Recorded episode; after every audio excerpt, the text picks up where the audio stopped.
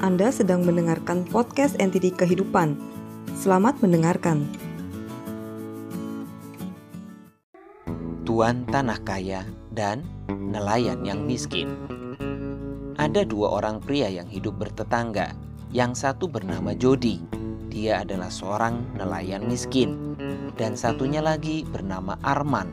Dia adalah seorang tuan tanah yang kaya.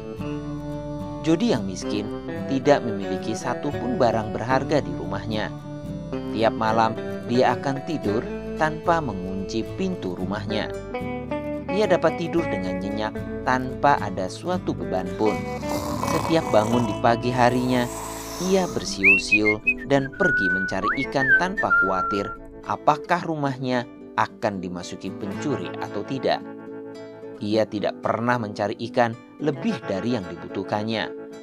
Hidupnya sederhana, namun penuh kebahagiaan. Tetangganya Arman, si tuan tanah kaya, menyewakan tanahnya yang luas dengan sistem bagi hasil.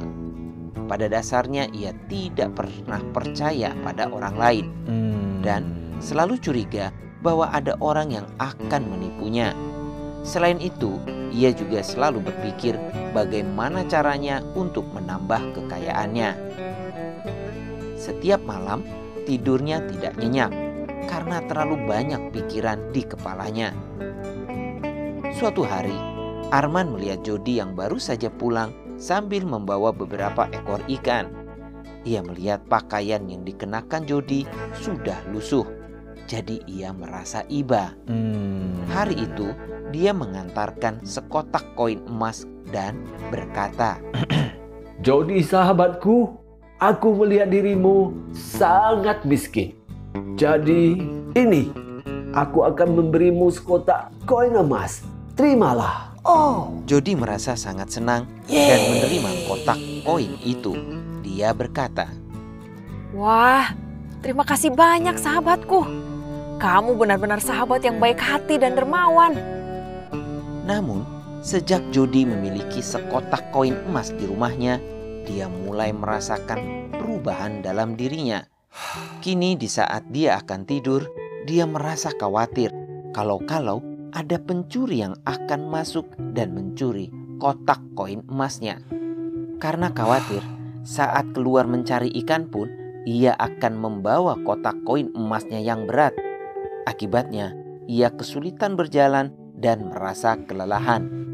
Jika kotak itu ditinggal di rumah, ia pun terus-menerus merasa cemas kalau ada yang akan mencurinya. Setelah beberapa hari, ia tidak tahan lagi.